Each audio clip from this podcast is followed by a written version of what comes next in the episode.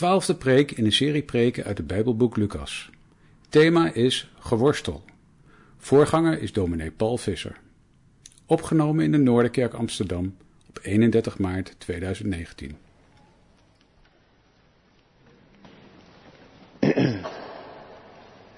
We gaan uh, nu luisteren naar een stukje uit het Leidensevangelie, uh, uit, uit Lucas 22. We horen het gedeelte van uh, de strijd van Jezus in Gethsemane en zijn gevangenneming. Lucas 22, vers 39 tot en met vers 53. En jij gaat het voor ons lezen. Ja. Heel veel succes. Goedemorgen dames en heren, ik ga vandaag voor jullie Lucas 22 vers 29 tot 53 voorlezen. Jezus in Gethsemane. En hij ging de stad uit en vertrok, zoals hij gewend was, naar de Olijfberg en ook zijn discipelen volgden hem. Toen hij op die plaats gekomen was, zei hij tegen hem, bid dat u niet in verzoeking komt. En hij verwijderde zich van hen ongeveer een steenworp afstand, knielde neer en bad. Vader, als u wilt, neem deze drinkbeker van mij weg, maar laat niet mijn wil, maar de uwe geschieden. En aan hem verscheen een engel uit de hemel, die hem versterkte. En hij kwam in zware stilheid en bad des te vuriger. En zijn zweet werd als grote druppels bloed, die op de aarde neervielen. En toen hij van het gebed opgestaan was, kwam hij bij zijn discipelen en vond hen slapend van droefheid. En hij zei tegen hen, hoe kunt u slapen? Sta op en bid dat u niet in verzoeking komt. De gevangenneming van Jezus. En terwijl hij nog sprak, zie, een menigte en een van de twaalf, die Judas heette, liep voor hen uit en kwam bij Jezus om hem te kussen. En Jezus zei tegen hen, Judas, verraadt u de zoon des mensen met een kus? En toen, die, toen zij die bij hem waren, zagen wat er ging gebeuren, zeiden ze tegen hem, Heren, zullen wij er met een zwaard op inslaan? En een van hen trof de dienaar van de hoge priester en sloeg hem zijn rechteroor af. Maar Jezus antwoordde en zei, laat hen tot hiertoe begaan. En hij raakte zijn oor aan en genas hem.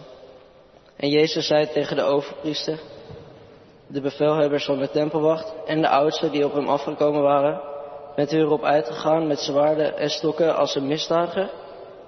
Toen ik dagelijks bij u was in de tempel, heeft u de handen niet naar mij uitgestoken, maar dit is het uur en de macht van de duisternis.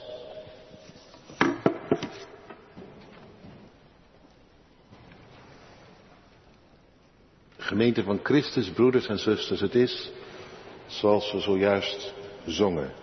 Gethsemane, die nacht moest eenmaal komen. De nacht waarin de macht van de duisternis vrij pepel had. En de meute die het op Jezus had voorzien, met Judas voorop, zich aan hem vergreep. Hem arresteerde. Hem afvoerde.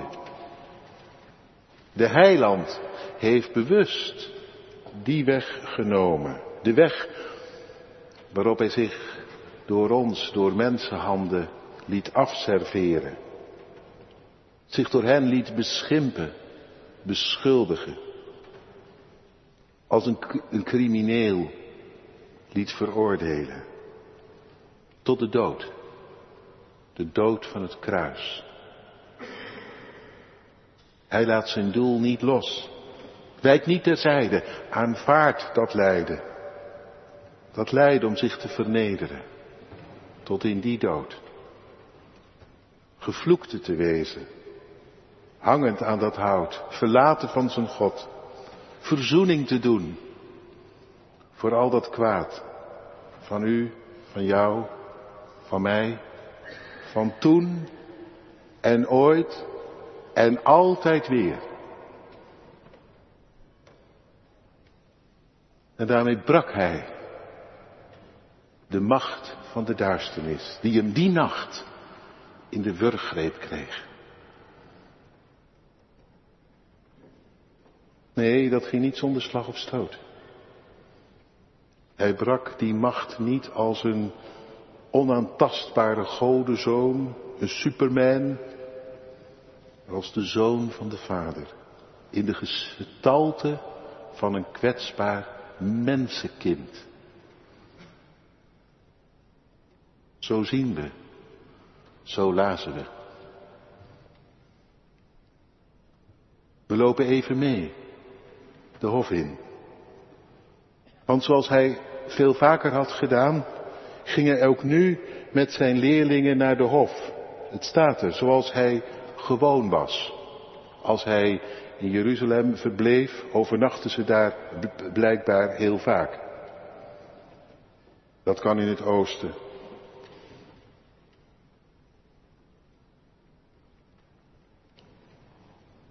En eh, zoals is te verwachten van hem, heeft hij ook toen, die keren daarvoor, waarschijnlijk op een steenworp afstand van zijn volgelingen gebeden, want dat deed hij altijd. In de avond en in de ochtend. Er gebeurt dan ook helemaal niks bijzonders. Voor de discipelen is het ook heel gewoon wat er gebeurt. Ze kijken er niet van op. Ze denken niet wat beleven we nu, integendeel. Het is de gewone gang van zaken. Alleen met dit ene verschil. Dat hij hen hier opdraagt te doen wat hij altijd deed. Te bidden. Dit keer niet zomaar in slaap vallen. Bid. Dat jullie niet in verzoeking komen, zegt hij erbij. Nou, in de regel, in de regel is s'nachts gaan slapen het beste. Dat weet iedereen, toch? Maar soms is het, ondanks de slaap, beter bewust te gaan bidden. Wanneer dan?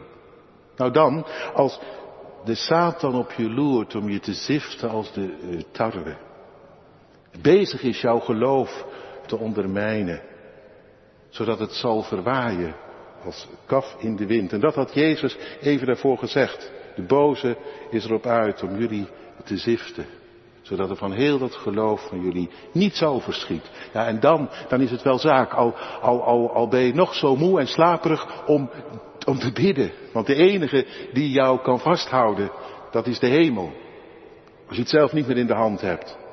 En als je een prooi bent van de boze. Vandaar vannacht die opdracht. Bid. Want Jezus ziet het blijkbaar gebeuren. Dat als ze dat niet doen, nu ze Hem zo moeilijk mee kunnen volgen in de weg die hij gaat, ze niet meer weten wat ze ervan denken moeten. Dat het zomaar dan kan gebeuren dat de boze je op sleeptouw neemt en je meesleept in de afgrond van, nou ja, laat maar. Zoals altijd, weet je wel. Als je het niet meer volgen kunt. Je niet meer weet wat je ervan denken moet, toch? Dat is toch de grote verzoeking. Zo logisch als wat en intussen prooi van de boze. Bid, alsjeblieft. Als je, nee, hij vraagt het niet eens voor zichzelf hier. Volgens het Lucas het evangelie. Doe het. Opdat je niet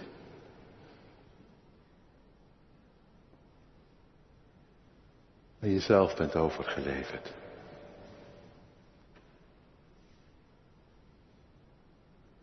De boze je te grazen neemt. Bid er tegenin. Voor Jezus zelf is het trouwens die nacht ook maar één remedie. Om nu te doen wat hij altijd deed, maar nu eens te meer. Met al wat hem verwart, wat hem bezighoudt, te gaan tot God en het regelrecht bij hem neer te leggen. We horen het hem doen. Toen hij op die plaats, toen, uh, hij verwijderde zich ongeveer een steenworp afstand, knielde neer en bad, Vader als u wilt, neem deze drinkbeker van mij weg. En weet u, ik ontdekte van de week iets wat me tot op heden altijd was ontgaan. Dit is niet een wanhoopskreet. Dat dacht ik altijd. Zo wordt ook heel vaak gehoord. Maar dat is het niet. Dit is geen wanhoopskreet. Het is een heel echt gebed. Dringend. Jezus vraagt er echt om. Vader, alstublieft, neem deze drinkbeker van mij weg. Zo klinkt het ook. Hoe kan hij dat nou bidden? Terwijl hij steeds heeft gezegd dat hij gaat. En vorige week hoorde u ervan. Intussen de beker al aanreikt. Terwijl die nog moet worden gevuld. En zegt, ik verlang, verlang niks anders en liever dan dit. En nu, precies het omgekeerde. Hoe kan dat nu? Een omgekeerd gebed aan alles wat hij tot nu toe heeft gezegd. Tja, hoe dat kan? Nou ineens dringt de angst zich zo op. Die drinkbeker. Hij weet, het heeft alles te maken met de toren van God. En de negentigste psalm, daar werd het gezegd door Mozes, wie kent de sterkte van uw toorn? Wie? Geen mens. Jawel, hij. Hij is ervan doordrongen als geen ander. Jezus. En het komt op hem aan hoe verloren, hoe verlaten, hoe verdoemd hij zal zijn. Als hij verstoten wordt uit Gods ogen. En hij deinst er ineens voor terug. Hoe overtuigend hij ook gesproken had. Ik ga. Nu dringt het zich aan hem op. O God, kan het, kan het nou echt niet anders? Alsjeblieft, dit niet. Neem deze drinkbeker van mij weg. Zo kan het blijkbaar gaan. Dat je niet meer weet hoe het moet.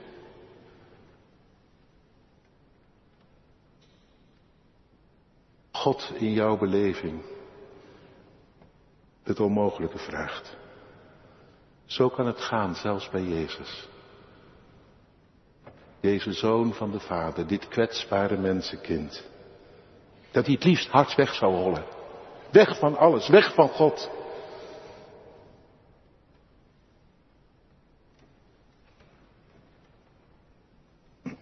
Hij krijgt die tegenstem die zich in hem aandient en zich in hem opdringt. Hij krijgt die tegenstem er niet meer onder.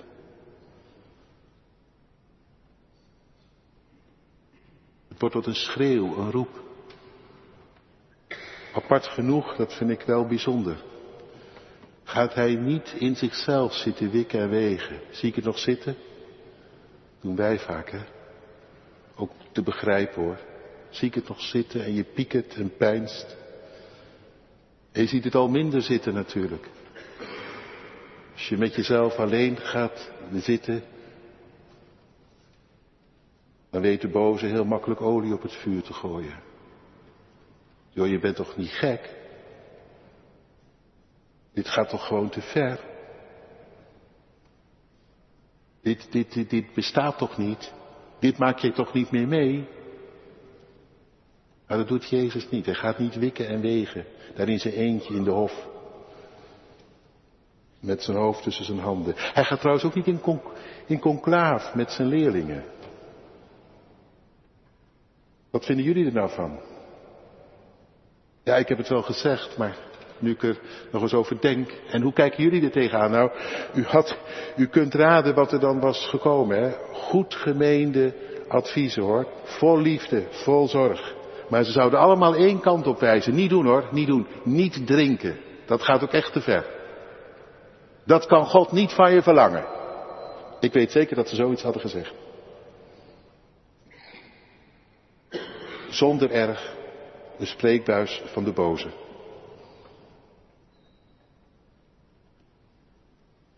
En daarom, goed. Ja, het is apart dat die gedachte zich op, opdringt. Dwars tegen alles wat hij tot nu toe heeft gezegd in. Maar goed dat, het, dat hij het maakt tot een gebed. Vader, neem het weg. Als er één kan antwoorden, hier, de doorslag kan geven, dan God zelf. Vader, als u wilt.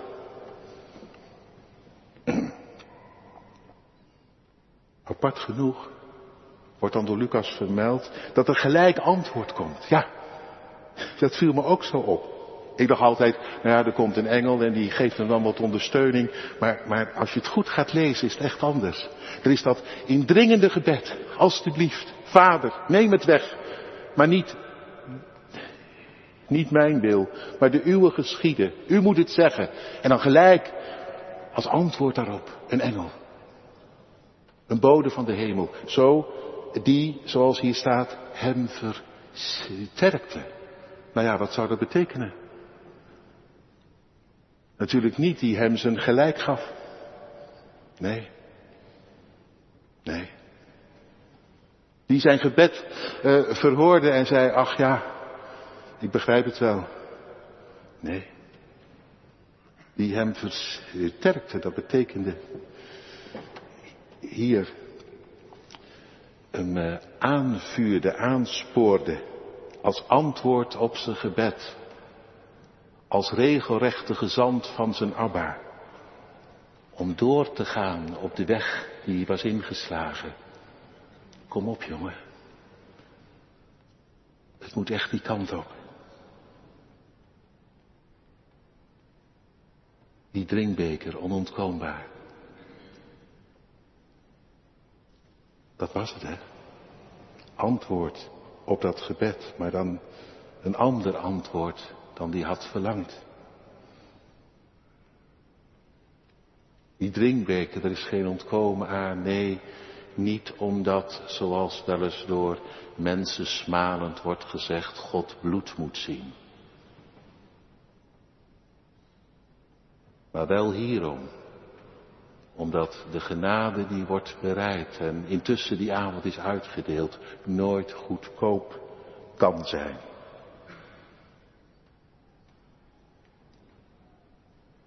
Het kwaad, het kwaad zelf, dat moet en zal worden vergolden, hoe dan ook.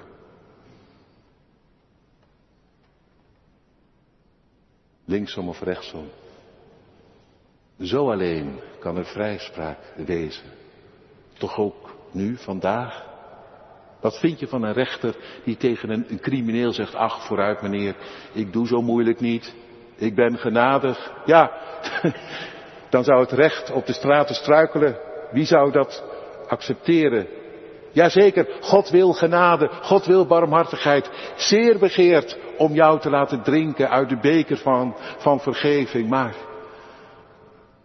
er moet wel door één worden gedronken. Het kwaad moet op de een of andere manier wel worden vergolden. Het onrecht vraagt om recht.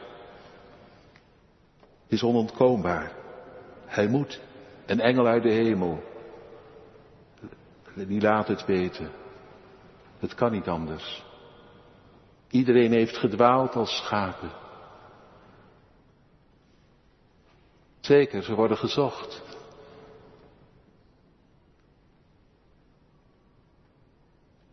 Maar er zal er één de zondebok zijn.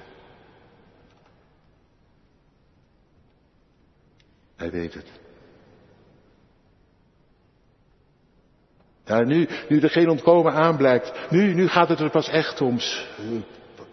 Pannen, dat zie je in het verhaal. Hij kwam in zware zielenstrijd en bad des te vuriger, nu die engel het van de hemel laat weten. Geen ontkomen aan, die drinkbeker, die toorn, die doem, die dood, die verlorenheid, die donkerheid, die duisternis, de hel die op hem wacht.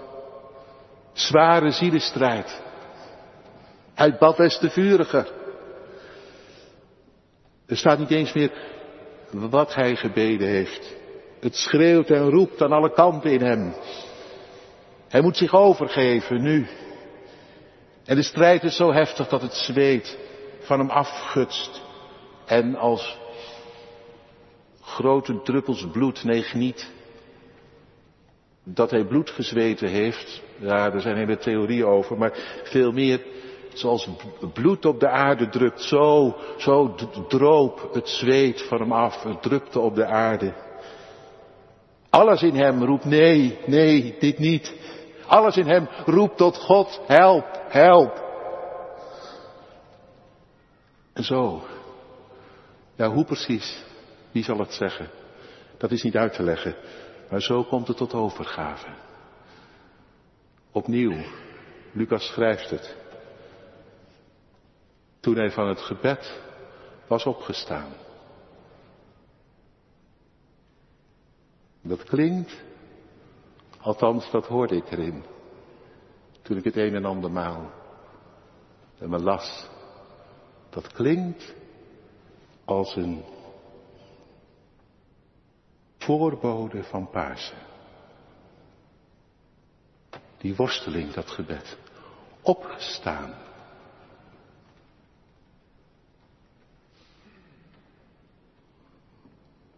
Ja, deze overgave. Tot in de dood. Die, die luidt het in. Opstanding. Hij begint hier al op te staan. Met dat hij zich aan deze weg overgeeft. Eén ding is in ieder geval heel zeker. Nu hij deze beker aanvaardt uit Gods hand, wordt die andere beker gevuld die sinds Pasen rondgaat, ook vanochtend onder ons. En nog altijd klinkt het. Neem, drinkt allen hieruit. En wat is het ons makkelijk gemaakt, hè? Die nacht klonk voor hem, neem, drink, onontkoombaar. En daarom voor u, voor jou, voor mij, deze ochtend een beker, neem, drink. Drink het in. Genade genoeg te over. Alsjeblieft, laat je bezwaren varen. Elk bezwaar wat hier wordt gemaakt is, kan het niet anders zeggen uit de boze. Om jou dus van te weerhouden. Ja, dat zou die wel, wel willen, de boze. Nu die Jezus niet heeft tegen kunnen houden, jou weerhouden om te drinken uit die beker die is aangereikt. Vandaar zijn bevel, neem, drink, allen hieruit. Hij komt terug bij zijn discipelen en hij vond hen slapende.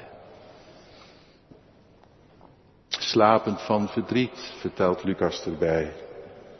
Ja, het had hen zo aangegrepen allemaal, emotioneel uitgeput, dat hun ogen op die bekende plek als vanzelf waren dichtgevallen. Slapen, dat deden ze daar altijd in die hof. Dus nu ook deze nacht, ondanks de opdracht, bid. Er was niet meer van gekomen, te moe, te verdrietig. Ach, het is allemaal zo begrijpelijk. En toch, scherp is zijn reactie. Hoe kunnen jullie slapen? Want zoals ze daar liggen, ten prooi aan verdriet, verzonken in diepe slaap, onder zeil gegaan, zo gezegd, zijn ze letterlijk voer voor de boze. Vandaar zijn wekroep. Sta op. Sta op. Weg uit die dood. En bid. Het klinkt zonder pardon. Maar het is vol mededogen. Vandaag zegt hij het tegen jou. Tegen mij. Als je ten prooi bent aan verdriet. Als je niet meer weet hoe het moet. Als je niet meer volgen kunt. Als je denkt, laat mij maar liggen. Laat mij maar slapen, alsjeblieft. Stoor me niet. Als in al je gepieker je het bidden gaandeweg is vergaan. Dan komt hij. Hij staat bij je. Wakker worden, zegt hij. Sta op. Ontwaak. Ontwaak jij die slaapt. Sta op uit de dood.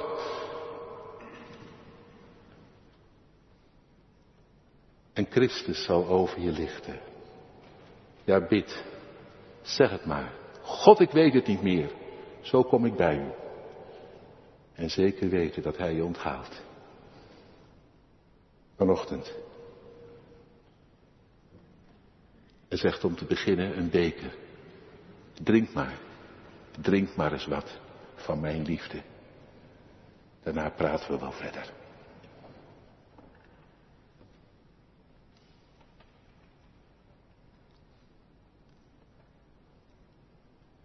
Sta op, wie je ook bent. En zing. Hier zijn wij, Heer. Een afgeweken schade, wij die zo zorgeloos, zo ontrouw waren. Verander ons en reinig onze harten. O man van smarten. Amen.